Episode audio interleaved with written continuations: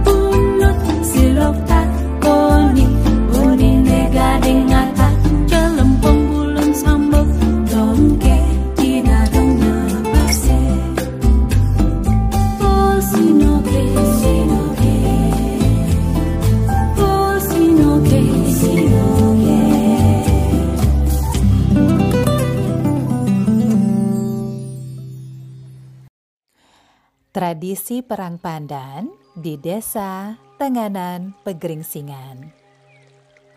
Perang Pandan adalah salah satu tradisi yang ada di Desa Tenganan Pegeringsingan. Perang Pandan atau Megeret Pandan juga disebut dengan istilah Mekari-kari. Upacara Perang Pandan menjadi daya tarik bagi wisatawan baik wisatawan dalam negeri maupun wisatawan asing. Perang Pandan merupakan salah satu tradisi yang dilaksanakan untuk menghormati Dewa Indra atau Dewa Perang dan merupakan bagian dari ritual Sasi Sambah sebagai ritual terbesar yang ada di Desa Tenganan.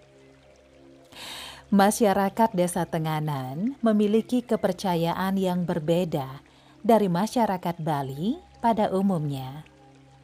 Masyarakat di Desa Tenganan menganut agama Hindu Indra. Pemeluk agama ini tidak membedakan umatnya dalam kasta. Mereka juga menempatkan Dewa Indra sebagai dewa tertinggi masyarakat Tenganan percaya bahwa desa yang mereka tempati merupakan pemberian dari Dewa Indra. Mengenai sejarah desa Tenganan ini, lebih lengkapnya Anda bisa simak dalam podcast saya sebelumnya. Di zaman dahulu, dalam sejarahnya, disebutkan adanya seorang raja yang sangat sakti namun kejam yang memimpin kerajaan bedahulu. Raja tersebut bernama Maya Denawa. Saat kepemimpinannya, Maya Denawa menganggap dirinya sebagai seorang dewa dan melarang rakyatnya untuk melakukan ritual keagamaan. Hal tersebut membuat murka para dewa di sorga. Kemudian diutuslah Dewa Indra untuk melawan Maya Denawa. Peperangan pun terjadi dan dimenangkan oleh Dewa Indra. Peperangan antara Maya Denawa dan Dewa Indra tersebut kini diperingati masyarakat Desa Tenganan dengan upacara Perang Pandan yang ditujukan kepada Dewa Indra sebagai Dewa Perang. Ritual Perang Pandan dilaksanakan di depan Balai Pertemuan Desa Tenganan Pegeringsingan setiap satu tahun sekali pada bulan kelima atau sasih kelima dalam penanggalan Desa Adat Tenganan. Ritual Perang Pandan berlangsung kurang lebih selama dua hari berturut-turut.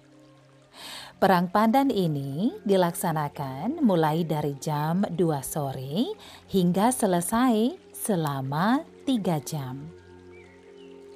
Tradisi perang pandan dilakukan dengan menggunakan pandan berduri sebagai alat atau senjata untuk berperang. Pandan berduri yang digunakan adalah pandan yang sudah diikat sehingga berbentuk seperti gada. Peserta perang pandan juga menggunakan sebuah tameng yang terbuat dari rotan yang dianyam. Tameng tersebut digunakan untuk melindungi diri dari serangan lawan. Pakaian yang dikenakan saat melakukan perang pandan ini hanya menggunakan sarung atau kamen, selendang, saput, dan ikat kepala atau udeng. Mereka berperang dengan bertelanjang dada. Perang pandan diiringi dengan musik gamelan selonding. Selonding adalah alat musik di daerah Tenganan yang hanya boleh dimainkan oleh orang yang disucikan. Alat musik ini juga tidak sembarangan dimainkan, melainkan hanya pada acara tertentu saja. Alat tersebut memiliki pantangan yang tidak boleh dilanggar, yaitu tidak boleh menyentuh tanah. Perang pandan dilakukan oleh pemuda Desa Tenganan dan luar Desa Tenganan. Pemuda dari dalam desa berperan sebagai peserta perang pandan, sedangkan pemuda dari luar desa sebagai peserta pendukung. Anak-anak yang sudah mulai beranjak dewasa pun turut ambil bagian dalam ritual perang pandan. Upacara ini juga dapat menjadi simbol seorang anak sudah beranjak dewasa. Lalu bagaimanakah urutan dari upacara perang pandan ini? Upacara perang pandan didahului dengan mengelilingi desa sebagai wujud permintaan keselamatan kepada dewa. Setelah mengelilingi desa, kemudian dilanjutkan dengan ritual minum tuak bersama. Tuak kemudian dikumpulkan lalu dibuang di sebelah panggung pemangku adat akan memberikan aba-aba tanda perang dimulai. Perang pandan yang dilakukan berpasangan ini, pesertanya akan menari-nari dan sesekali menyabetkan pandan berduri kepada peserta lainnya dalam satu menit, lalu bergantian dengan pasangan lain. Meskipun tubuhnya berdarah, para peserta tetap terlihat senang karena hal itu adalah salah satu ungkapan syukur mereka dan cara menghormati Dewa Indra. Setelah perang selesai, peserta yang terluka diolesi ramuan tradisional yang terbuat dari kunyit. Acara selanjutnya setelah perang usai adalah melakukan persembahyangan di pura. Meskipun peserta terluka, tetapi tidak ada dendam di antara mereka. Hal tersebut disimbolkan dengan makan bersama atau megibung yang menunjukkan kebersamaan. Cara makan bersama ini konon dilaksanakan setelah raja dan prajurit datang dari medan perang yang diprakarsai oleh Raja Karangasem di mana para peserta duduk bersama secara melingkar dengan makanan berada di tengah-tengah dan dimakan secara bersama-sama tanpa mengenal kasta dan kedudukan. Wah, satu tradisi yang sangat unik dan tetap lestari sampai saat ini. Banyak tradisi unik dan menarik yang bisa disaksikan selama berada di Pulau Dewata. Tradisi perang pandan atau mekari-kari ini salah satunya. Tradisi ini merupakan sebuah budaya leluhur yang berusaha dijaga secara turun-temurun oleh masyarakat Bali yang tinggal di desa adat Tenganan Pegeringsingan. Nah, jika Anda sedang berkunjung ke desa Tenganan Pegeringsingan, dan menyaksikan mekari-kari tersebut sedang dilangsungkan, maka akan menjadi sebuah pengalaman yang berharga dan tidak terlupakan. Semoga info budaya kali ini bisa menambah pengetahuan kita mengenai tradisi perang pandan di Desa Tenganan, Pegeringsingan. Saya Dayu Juni Newman. Terima kasih banyak sudah setia menyimak podcast Cerita Rakyat Nusantara dari awal hingga akhir. Kita berjumpa kembali di kesempatan berikutnya. Sampai jumpa.